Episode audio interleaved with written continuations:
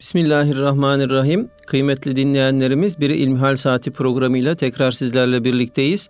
Yüce Rabbimizin selamı, rahmeti ve bereketi üzerimize olsun. Efendim sizlerden bize ulaşan İlmihal sorularına değerli hocamız İstanbul Sabahattin Zaim Üniversitesi İslami İlimler Fakültesi hocalarından Doktor Ahmet Hamdi Yıldırım cevap veriyor. Muhterem hocam ilk sorumuz şöyle. Hayırlı günler diyor dinleyicimiz. Haset eden biriyle evi paylaşıyorum. Ondan kendimi nasıl koruyabilirim diye soruyor. Elhamdülillahi Rabbil Alemin ve salatu ve selamu ala Resulina Muhammedin ve ala alihi ve sahbihi ecmain.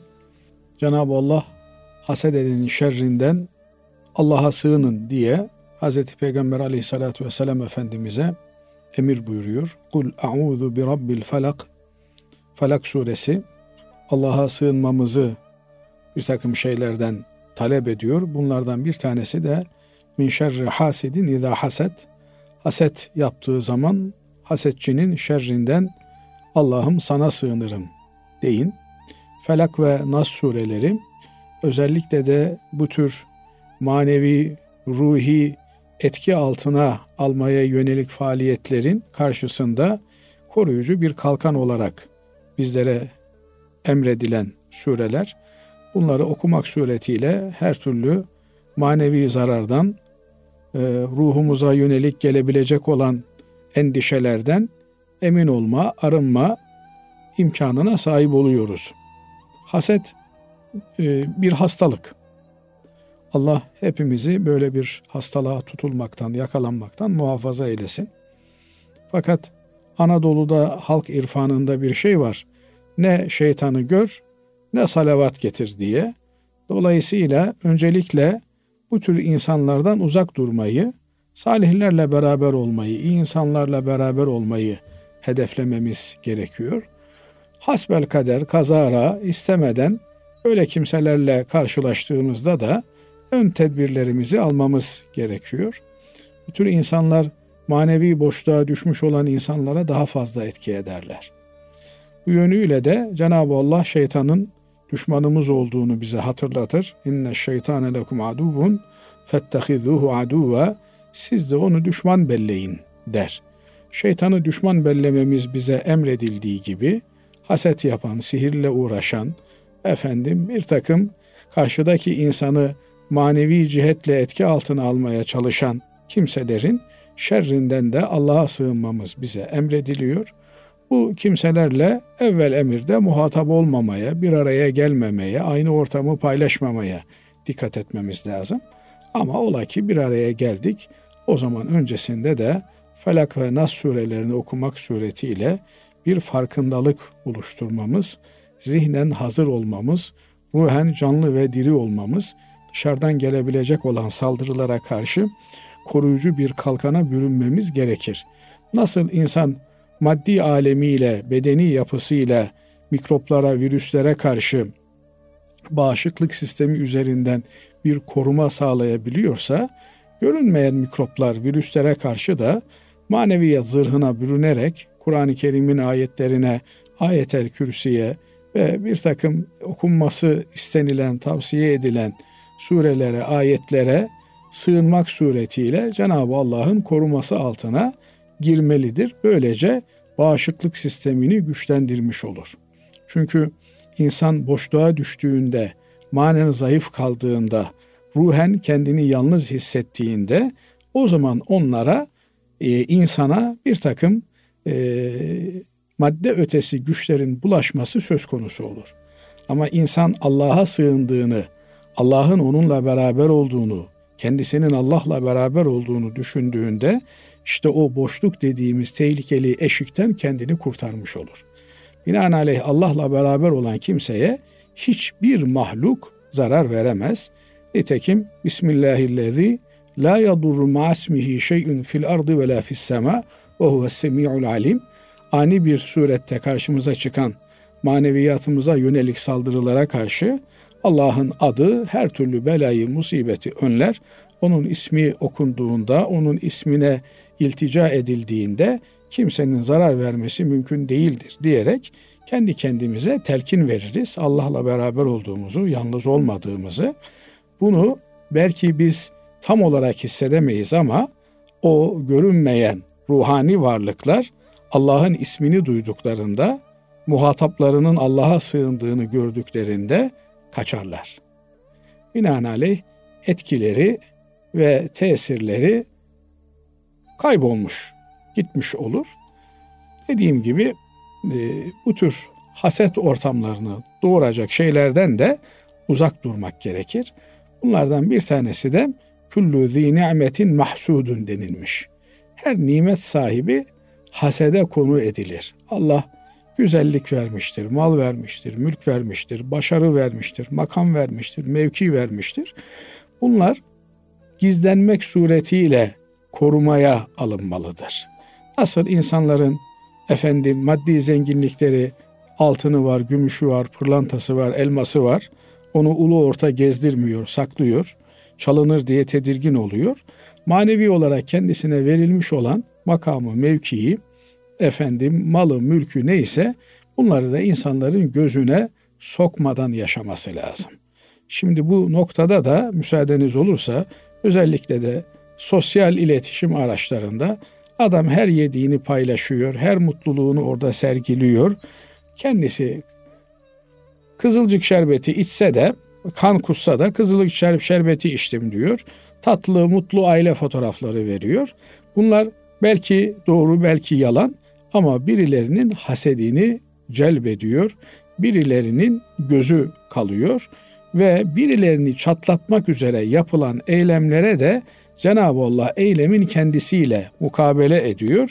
O insanlar bir müddet sonra bakıyorsunuz çatlıyorlar. Dolayısıyla insan dünya hayatında mahcup bir eda ile yaşamalı. Kendisini dünyada mal sahibi, mülk sahibi olarak değerlendirmemeli. Burada benim sözüm geçer, benim efendim e, saltanatım burada yürür türünden bir e, bencilliğin, bir enaniyetin içerisinde olmamalı. Böyle olunca da özellikle de bu tür hasediyle bilinen, nazarıyla bilinen kimselere mutluluğunu paylaşmamalı. Onların gıpta damarlarını, haset damarlarını tahrik etmemeli.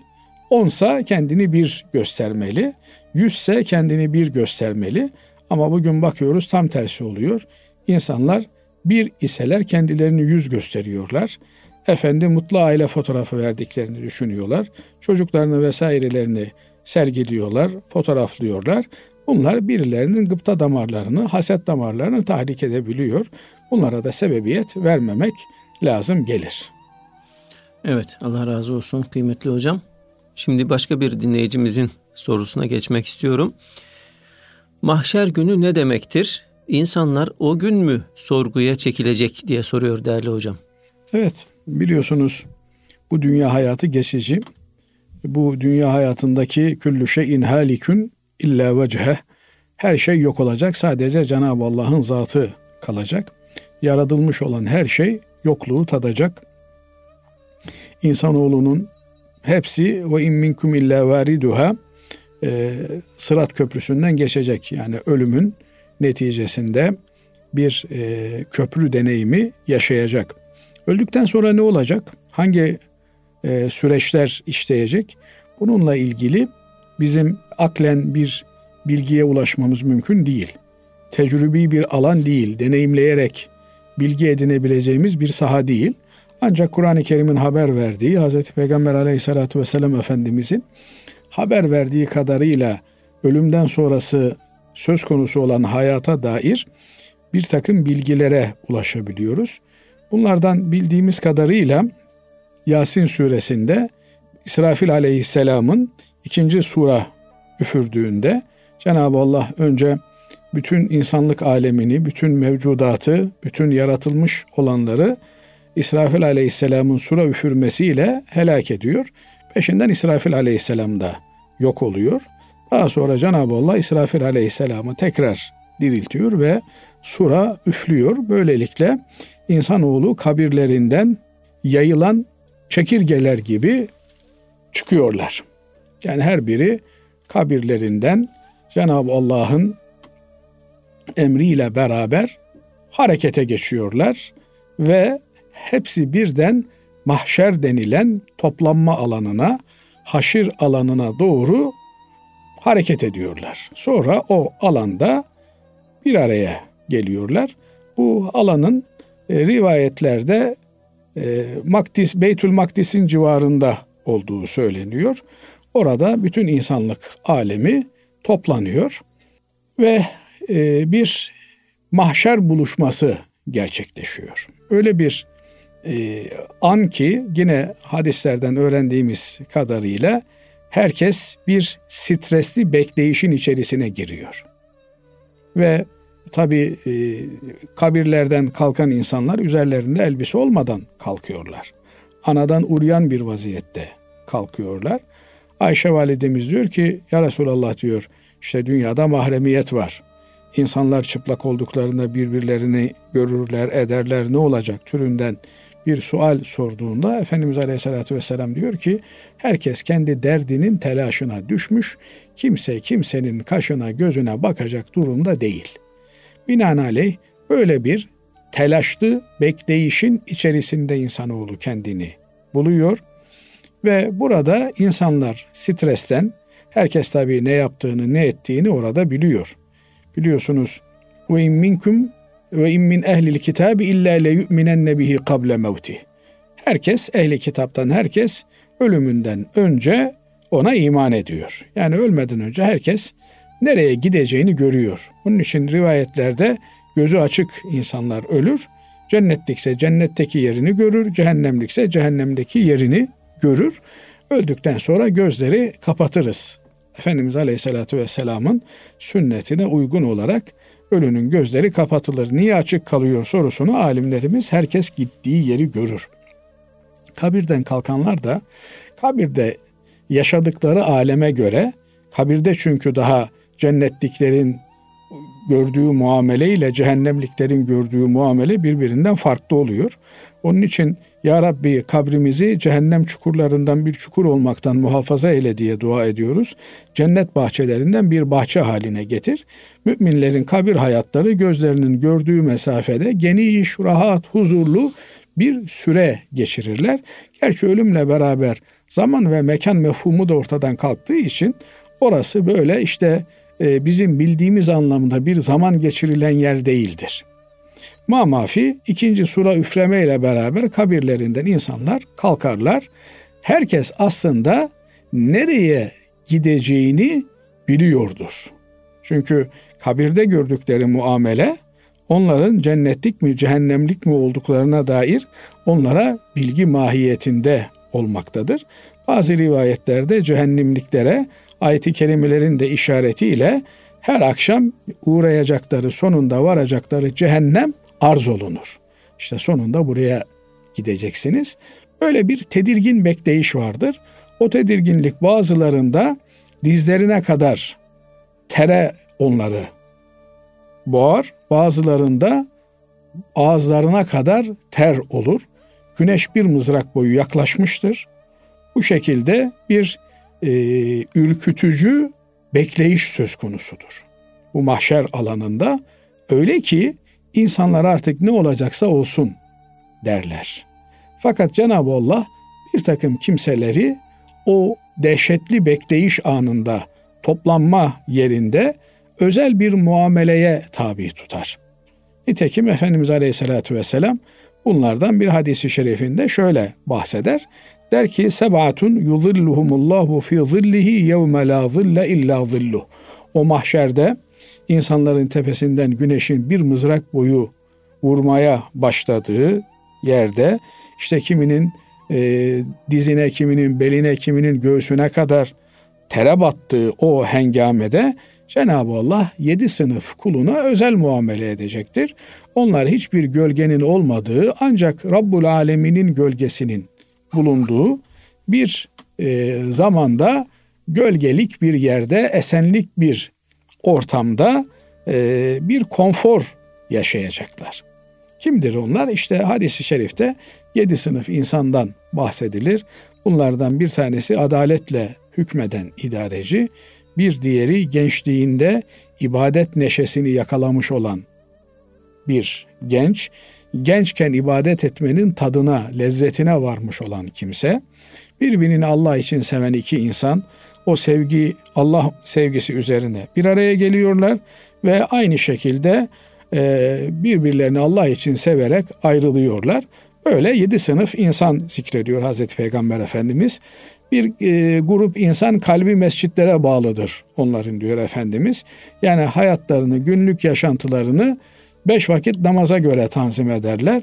Efendim e, Üsküdar'da işim var filan camide öğle namazını kılarım.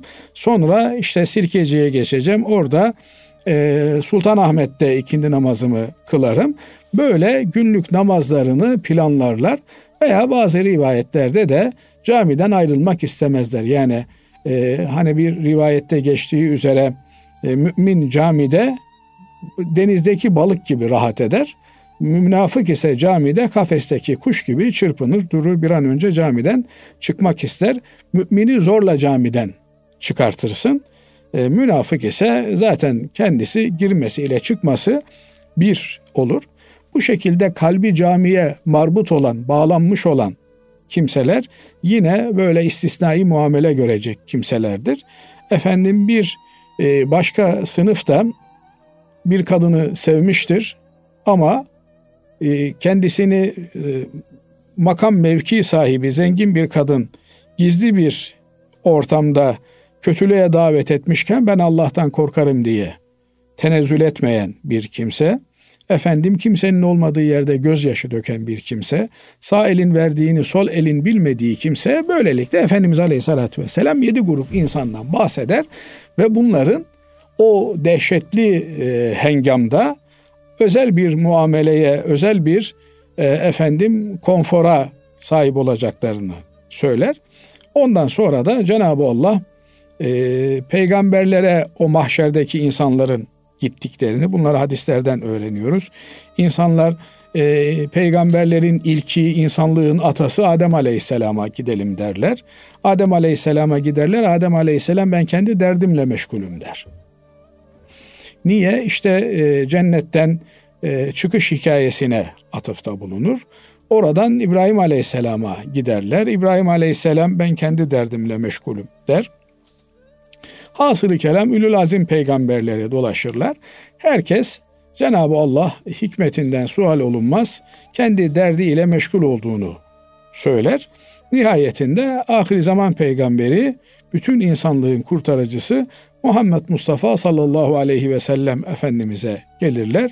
Cenab-ı Peygamber aleyhissalatü vesselam Efendimizin ilk şefaati burada tahakkuk eder. Buradan sonra hesap kitap alemine geçerler. Ve kıyamet alem alemdir. Bir tanesi e, ba'su ba'del mevt. Ölüm, ölümden sonra dirilme alemidir. Ondan sonra mahşer alemi, ondan sonra e, efendim e, kısaslaşma alemi gelir. Mahşerde bütün canlılar tekrar diriltilirler. Ondan sonra da hayvanat alemi bile kendi aralarında bir ölç alma sahnesine maruz kalırlar. Öyle ki o dönem e, şeyde boynuzsuz koyun boynuzlu koyundan hakkını alır. Bana sürttü, bana işte boynuz attı. Orada herkes birbirinden alacaklarını tahsil eder. Böylelikle Cenab-ı Allah kim kime ne yaptıysa hayvanat aleminde bile onlar birbirlerinden intikam alırlar. Sonra onlara toprak olmaları emredilir.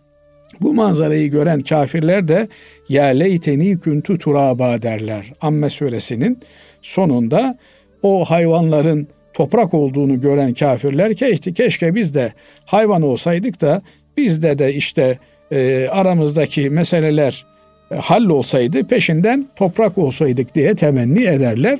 Ama öyle bir temenniye yer yoktur. İnsanoğlu için ondan sonra hesap alemi başlar. Herkes Cenab-ı Allah'ın huzuruna tek başına gelir ve yaptığının, ettiğinin hesabını verir. İşte Efendimiz Aleyhisselatü Vesselam'ın ilk şefaati mahşer yerinde o bekleyişin son bulup hesabın başlamasına yönelik Cenab-ı Allah'a ilticası, şefaatçi olması ve şefaatinin kabul olunmasıdır. Böylelikle bütün insanlığa e, ahiret aleminde de bir rahmet olmuş olur. Ondan sonra artık herkesin hesap zamanı eline kitabı verilir. E, artık diller konuşmaz, azalar konuşur. Yine Kur'an-ı Kerim'den öğrendiğimiz kadarıyla iyilikleri ağır basan fe emmâ men sakulet mevazînuh e, hayır mizanı ağır basan fehuve fi işetin radiye o memnun olacağı bir hayat, ebedi bir hayata kavuşur. Ama kimin de şer tarafı ağır basarsa, kötülükleri ağır basarsa fe ummuhu haviye vay geldi onun başına. Dolayısıyla bu dünya hayatında fırsat eldeyken iyilik biriktirmeye bakmak lazım. İyiliğin büyüğü küçüğü olmaz. Kimseye karşı bir haksızlık yapmamaya dikkat etmek lazım. Özellikle ve özellikle Cenab-ı Allah'ın birliğine, büyüklüğüne karşı bir edepsizlik yapmaktan sakınmak lazım. Böyle dikkatli olan bir kimse inşallah ahiret hayatında da mutlu bir hayat ile müjdelenmiş olur. Allah razı olsun hocam. Detaylı bir şekilde elhamdülillah bu mahşer gününü anlattınız. Kıymetli dinleyenlerimiz şimdi kısa bir araya gidiyoruz. Aradan sonra inşallah kalan sorularımızla devam edeceğiz. Kıymetli dinleyenlerimiz İlmihal Saati programımızda kaldığımız yerden devam ediyoruz. Muhterem hocam dinleyicimiz bize şöyle e, bir soru göndermiş. Hocam diyor ben fıstık borca satıyorum. Nasıl diyeyim? Peşin şu an nakite ihtiyacım pek yok. Hem yüksek fiyata satılsın biraz hem de emanet birinde olsun işi görünsün ve o da kısmeti varsa kar etsin. Mesela şu an bir ton 100 bin lira 6 ay sonra 130 bine anlaşıp satıyoruz. Bu helal midir diyor. Şimdi Cenab-ı Allah alışverişi helal, faizi haram kıldığını ifade ediyor. Binaenaleyh bir kimse bir malı 100 liraya da satabilir, 150 liraya da satabilir. Hangi fiyata satacağına piyasa şartları karar verir. Piyasada kardeşimiz diyor ki işte peşin sattığında tonunu 100 bin liraya satıyorsun. Fakat vadeli satı, sattığında 6 ay vadeli 130 bin liraya satılıyor. Bu kardeşimiz e, malını peşin satabileceği gibi vadeli olarak da satabilir.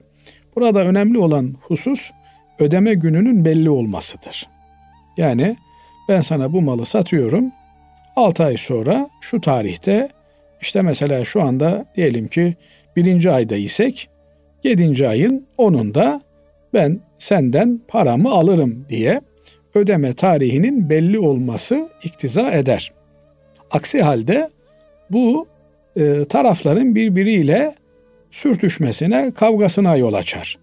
Ben işte e, 6. ayın başında diye niyet etmiştim. Yok sen sonunda diye ben vereceğim dersin. Buradan e, sebep karşılıklı bir tartışmaya, e, efendim kavgaya, nizaa olay evrilebilir.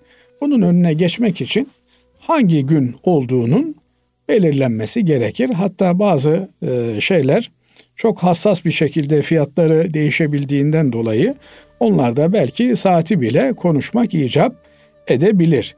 Ama fıstıktır, buğdaydır, bademdir vesaire bunlarla ilgili belki o kadar hassas davranmaya gerek olmasa da hangi gün 6. ayın 6. günü efendim Ocak ayının 21'inde Nisan ayının 30'unda ben paramı alırım diye veya paranı öderim diye konuşmuş olmaları gerekir. Normal olan budur. Fakat bazen şöyle bir şey e, oluyor. E, bu tür üreticiler işte fıstık olsun, fındık olsun, badem olsun, ceviz olsun e, pazara pazarcıya götürüyorlar bu mallarını bırakıyorlar ve diyorlar ki işte e, senin dükkanında emanet olarak kalsın bu. 6 ay sonra veya 7 ay sonra ne zaman en e, üst fiyatı bulursa o zaman satarsın diye bir emanet olarak bırakıyorlar. Buna konsiye olarak bırakıyor da denilebilir. Bu durumda satıcılar mal sahibi adına bunu emaneten almışlar ve iyi bir fiyatını bulduklarında satacaklar demektir. Bunu da bir eğer aralarında belirledikleri bir oran ile yaparlarsa bir ortaklığa girmiş olurlar.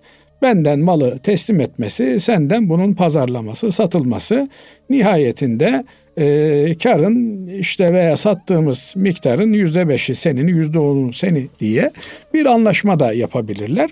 Ama bu bir satış ise yani götürüp de e, mal sahibine veya dükkan sahibine bunu satıyorsa o zaman parayı ödenen paranın ödeneceği tarihin belli olması bu satış akdinin e, şartlarına uygun sağlam bir şekilde gerçekleşmesi için lazım gelir. Evet. Efendim diğer bir sorumuz şöyle. Beyin ölümü gerçekleşen kişinin organları başkasına nakledilebilir mi? Beyin ölümünün gerçek ölüm olmadığını söyleyenler var. Bu konuda bizi bilgilendirebilir misiniz diye soruyor dinleyicimiz. Şimdi tabii yani biz e, beden ve ruhtan ibaret bir varlığız. Sadece bedenden ibaret de değiliz, sadece ruhtan ibaret de değiliz. Bizim beden tarafımız çürüyebilir, ölebilir, efendim toprağa karışabilir. Ama ruh tarafımız emir alemine ait bir yön olması hasebiyle zaman ve mekan boyut kavramının bulunmadığı bir iksirdir. Dolayısıyla e, ölüm nedir, ölümün hakikati e, nasıldır sorusu eski zamandan beri ilgililerin, felsefecilerin, hukukçuların, tıpçıların e, üzerinde uğraştıkları bir konu olmuştur. İhtilaflı konulardan bir tanesidir. Hukukçuların ölüm tanımıyla tıpçıların ölüm tanımı birbirinden farklı ola gelmiştir. Özellikle de organ naklini yapabilmeye başladıktan sonra tıpçılar e, ölüm kavramını daha esnek hale getirmişlerdir. Ölmek üzere olan kimseyi de artık ölü olarak kabul eder duruma gelmişlerdir. Oysa ölmek üzere olmakla ölmek birbirinden farklı kavramlardır. Binaenaleyh hukuki olarak ölüm bizim için önemli olan taraftır.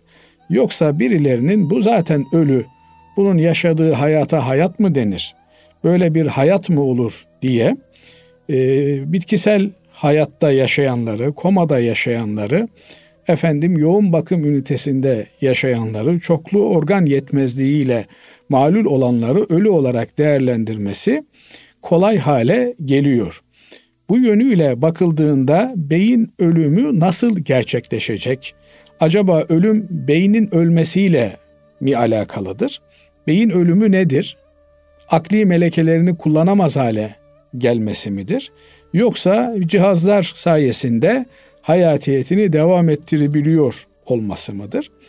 Bu noktalar çok böyle hassas noktalar olduğu için bunlarla ilgili böyle ceffel kalem konuşabilmek kolay değildir. Kaldı ki bu tür meseleler radyo programlarına konu edilecek meseleler de değildir. Ama şu kadarını bilmek elbette gerekiyor. Toplumda organ e, bağışına yönelik kampanyalar var. İnsanların bağış yapmadığı bu yönüyle de efendim muhtaç olan insanların organsız kaldıkları ve buna bağlı olarak da öldüklerine yönelik de bir takım haberler var. Fakat unutmamak gerekiyor ki hayat tabii şekliyle olduğunda hayattır ve kimseye muhtaç olmadan yaşatmak esastır. Binaenaleyh birinin yaşaması için bir başkasının erken öldürülmesine asla ve asla kimse olur veremez. Kardeşimizin sorusunda da geçtiği üzere bu konular üzerinde çok yoğun tartışmalar yapılıyor. Yapılmakta, yapılmaya da devam edecek. Hukukçularla tıpçılar arasında öyle bir kavganın olduğunu, tıpçıların da kendi aralarında e, organ nakli ile ilgili e, tek bir görüş oluşturmadıklarını görüyoruz. Yani bir yandan deniyor ki e, beyin ölümü gerçekleşti, organı alınabilir, ihtiyacı olan hastalara verilebilir. E peki niye bir daha anestezi yapıyorsunuz o zaman madem öldü bu adam? Ölüye artık iğnedir, bıçaktır tesir etmez. Fakat e, doktorların kendi şehadetleriyle görüyoruz ki e, öldü denilen beyin ölümü gerçekleşmiş olan bu insanlara bıçak vurulduğunda tepkime veriyor. Binaenaleyh beynin ölmesi kalbin ölmesi anlamına gelmiyor. Ruhun bedenden çıkması anlamına gelmiyor. Bu yönüyle de e, beynin ölümüne karar vermek insanın bütünüyle öldüğü anlamına gelmez.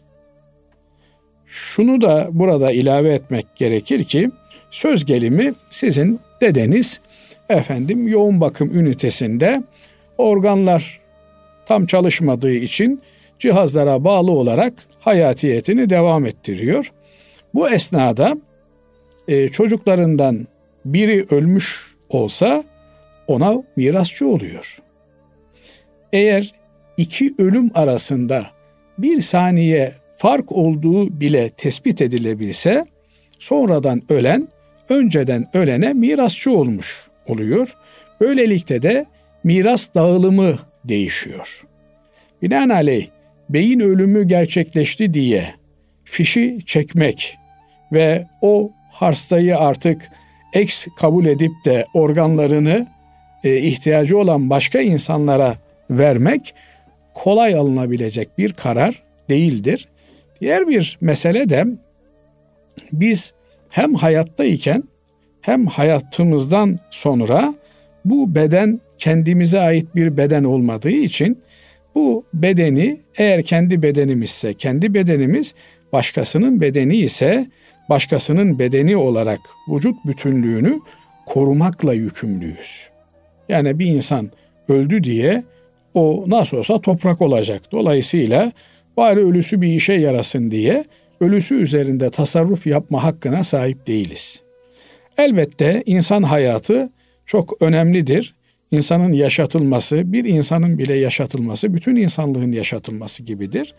Ölmüş olan, hakiki anlamda ölmüş olan birinin efendim organları eğer işe yarıyorsa bir başkasına nakledilebilir. Fakat tıp camiası ölümden sonra organların bir işe yaramadığını, çok az organların ancak kullanılabildiğini, ölmeden önce öleceği kesin olarak varsayılan kimselerin efendim beyni öldü bunun artık bir daha geri dönüşü yoktur ifadesiyle bir muamele yaptıklarını bu yönüyle de e, bunun çok böyle e, kabul edilebilir bir durum olduğunu kimse söyleyemez. Binaenaleyh bu hususlarda ihtiyatlı olmak lazım gelir. Allah razı olsun hocam. Efendim e, dinleyicimiz şöyle bize bir soru gönderiyor. Kadınların pantolon giymesinin haram olduğu söyleniyor. Bu doğru mudur? Şimdi pantolon giymeleri veya başka bir şey giymeleri mesela veya pantolonsuz durmaları meselesi değil. Mesele Cenab-ı Allah kadın ve erkeği farklı birer cins olarak yaratmış. Evlilik dışı birbirleriyle olan ilişkilerine çok ciddi sınırlar getirmiş. Erkek kendi cinsleriyle birlikteyken bile belli bir tesettür şartına riayet ederek bulunmak durumunda. Kadınlar da kendi hem cinsleriyle beraberken bile belli bir tesettür şartına riayet ederek bulunmak durumundadırlar. Nedir tesettür dediğimiz? Örtünmektir. Cenab-ı Allah biz kullarından birbirimiz ile beraber olduğumuzda örtünmemizi emreder. Ama bir insan evinde tek başınadır. Efendim banyo yapıyordur vesairedir.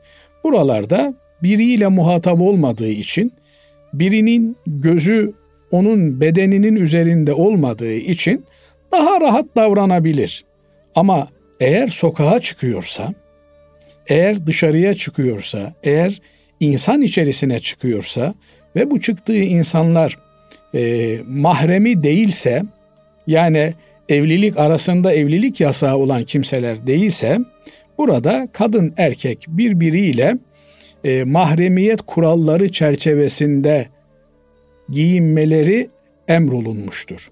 Bu giyinmenin birinci esası kadının elleri, yüzü ve ayakları hariç diyelim bütün bedeninin örtülü olmasıdır. Bu örtüden maksat önemlidir. Örtüden maksat kadının ben buradayım diye bağırmamasıdır. Yani kadınlığını izhar edebilecek olan vücut hatlarını ortaya dökmemesidir. Bu eğer pantol giydiğinde vücut hatları belirgin hale geliyorsa sadece kadınlar için değil erkekler için de bu durum söz konusudur. Yani e, kadınlara vücut hatlarını belli eden adeta vücudun kıvrımlarını daha net bir şekilde izhar eden pantolonu giymek yasak olduğu gibi bunu erkeğe de giymek yasaktır. Çünkü tesettürün, setri avretin maksadı gizlemektir. Gözden uzak tutmaktır.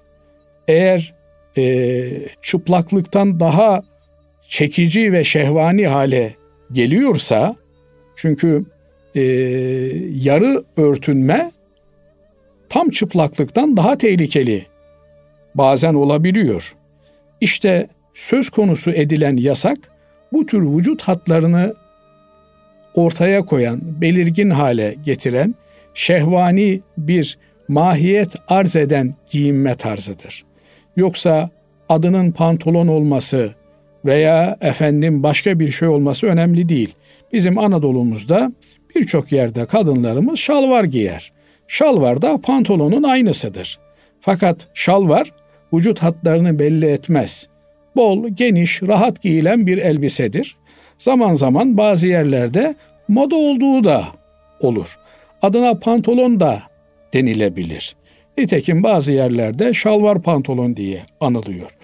Eğer bu şekilde geniş, vücut hatlarını belli etmeyen bir giysi ise bunun adına pantolon da deseniz bunu giymekte bir mahsur yoktur.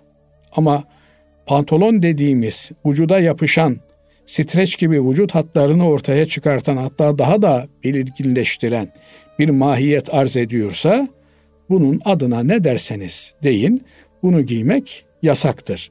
İkinci bir husus da burada giyilen elbisenin bizatihi kendisinin ben buradayım diye bağırmaması bir süs bir zinet haline gelmemesidir.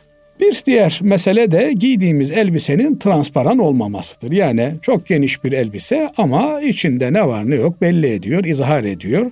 Dolayısıyla tesettürün manası ve ruhu orada ölüyorsa bu giysi de İslam'ın onaylayacağı bir giysi değildir. Niye giysi meselesi önemlidir?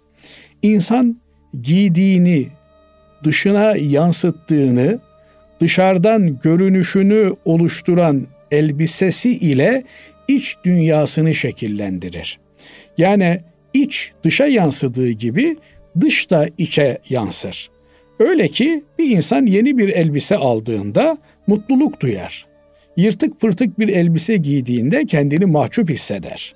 Bu dışarıdan insanların onun dışına bakarak onun içine dair verdikleri yargının hani sözün başında da gözden bahsettik, hasetten bahsettik. İnsanın iç dünyasında bu yansımanın oluşturduğu tepkimeler, infialler söz konusu olur. Dolayısıyla giysi sadece insanı örtmekle kalmaz. Onun iç dünyasını da şekillendirir. Bu yönüyle Müslüman giydiğiyle Müslüman kimliğini izhar etmek mecburiyetindedir. Binaenaleyh Kadınlarımız örtünüyorlar, Müslüman kimliklerini muhafaza ediyorlar. Dışarıdan bakıldığında örtünmüş olan bir kadının Müslüman olduğu ayan beyan görünüyor. Bunun anlamı tabi başını açan bir kimsenin Müslüman olmadığı anlamına değil. Ama elin gavuru başını örtmüyor. Binaenaleyh memleketimizde başını örten biri varsa bu Müslümanlığından dolayı örtüyordur. Bunun anlamı şu her başını örten Müslümandır ama her başı açık olan e, Müslüman değildir diye damgalanamaz. Ama e, başını örtmesi bir insanın sadece saçının tellerini kapatması demek değildir. O başörtüsü beraberinde birçok hassasiyeti de getirmektedir. dışarıdan insanların size bakışını da şekillendirmektedir. Binaenaleyh örtünmeyi sadece bir kapanma, bir kumaşın, bir bezin vücuda çekilmesi olarak görmemek lazım. Örtünmeyle insanın ruh halinin çok sıkı bir ilişkisi vardır. Nitekim anlatıldığı kadarıyla e, Endülüs'te Hristiyanlar o kadar Müslümanlarla özdeşleşmişler ki Müslümanlar gibi giyinir hale gelmişler. Zaten işte Batı'nın orta çağı İslam'ın aydınlık çağlarıdır. İnsanlar tıp eğitimi için, hukuk eğitimi için Endülüs'e gidiyorlar. Kurtuba'da efendim e, eğitim alıyorlar, hukuk eğitimi alıyorlar, tıp eğitimi alıyorlar. Farklı alanlarda eğitimler alıyorlar. Bir müddet sonra Hristiyan rahipler bakmışlar ki gençlik kayboluyor. Bizim ne yapıp edip bunlara Hristiyan kimliklerini hatırlatacak giysiler giydirmemiz lazım diye kendi aralarında karar vermişler ve o giysi devriminden sonra hakikaten bakmışlar ki Hristiyanlar Hristiyan kimliklerine ve şuurlarına dönmüşler. Ondan sonra biliyorsunuz işte başlayan savaşlar neticesinde İspanya'da, Endülüs'te Müslümanlar yok edilmiş, imha edilmiş. Bugün İslam dünyasına baktığınızda da Basri Hocam nereye giderseniz gidin batının kültürünün egemen olduğunu görüyorsunuz. Giyim tarzının, yemek tarzının efendim Çin'e de gitseniz, Kore'ye de gitseniz, Tayvan'a da gitseniz, Endonezya'da gitseniz, Malezya'ya da gitseniz, İstanbul'da da gezseniz batı tarzı hayatın egemen olduğunu görüyorsunuz. Bu e, giyiniş biçimi, bu tüketim çılgınlığı ve batılı gibi yaşama hevesi bizi kimliğimizden gittikçe uzaklaştıran unsurlardır. Dolayısıyla Müslümanların tekrar kendi kimliklerine dönmeleri önce kendi giysilerine dönmeleriyle başlayacaktır. Müslüman gibi giyindiklerinde Müslüman gibi düşüneceklerdir.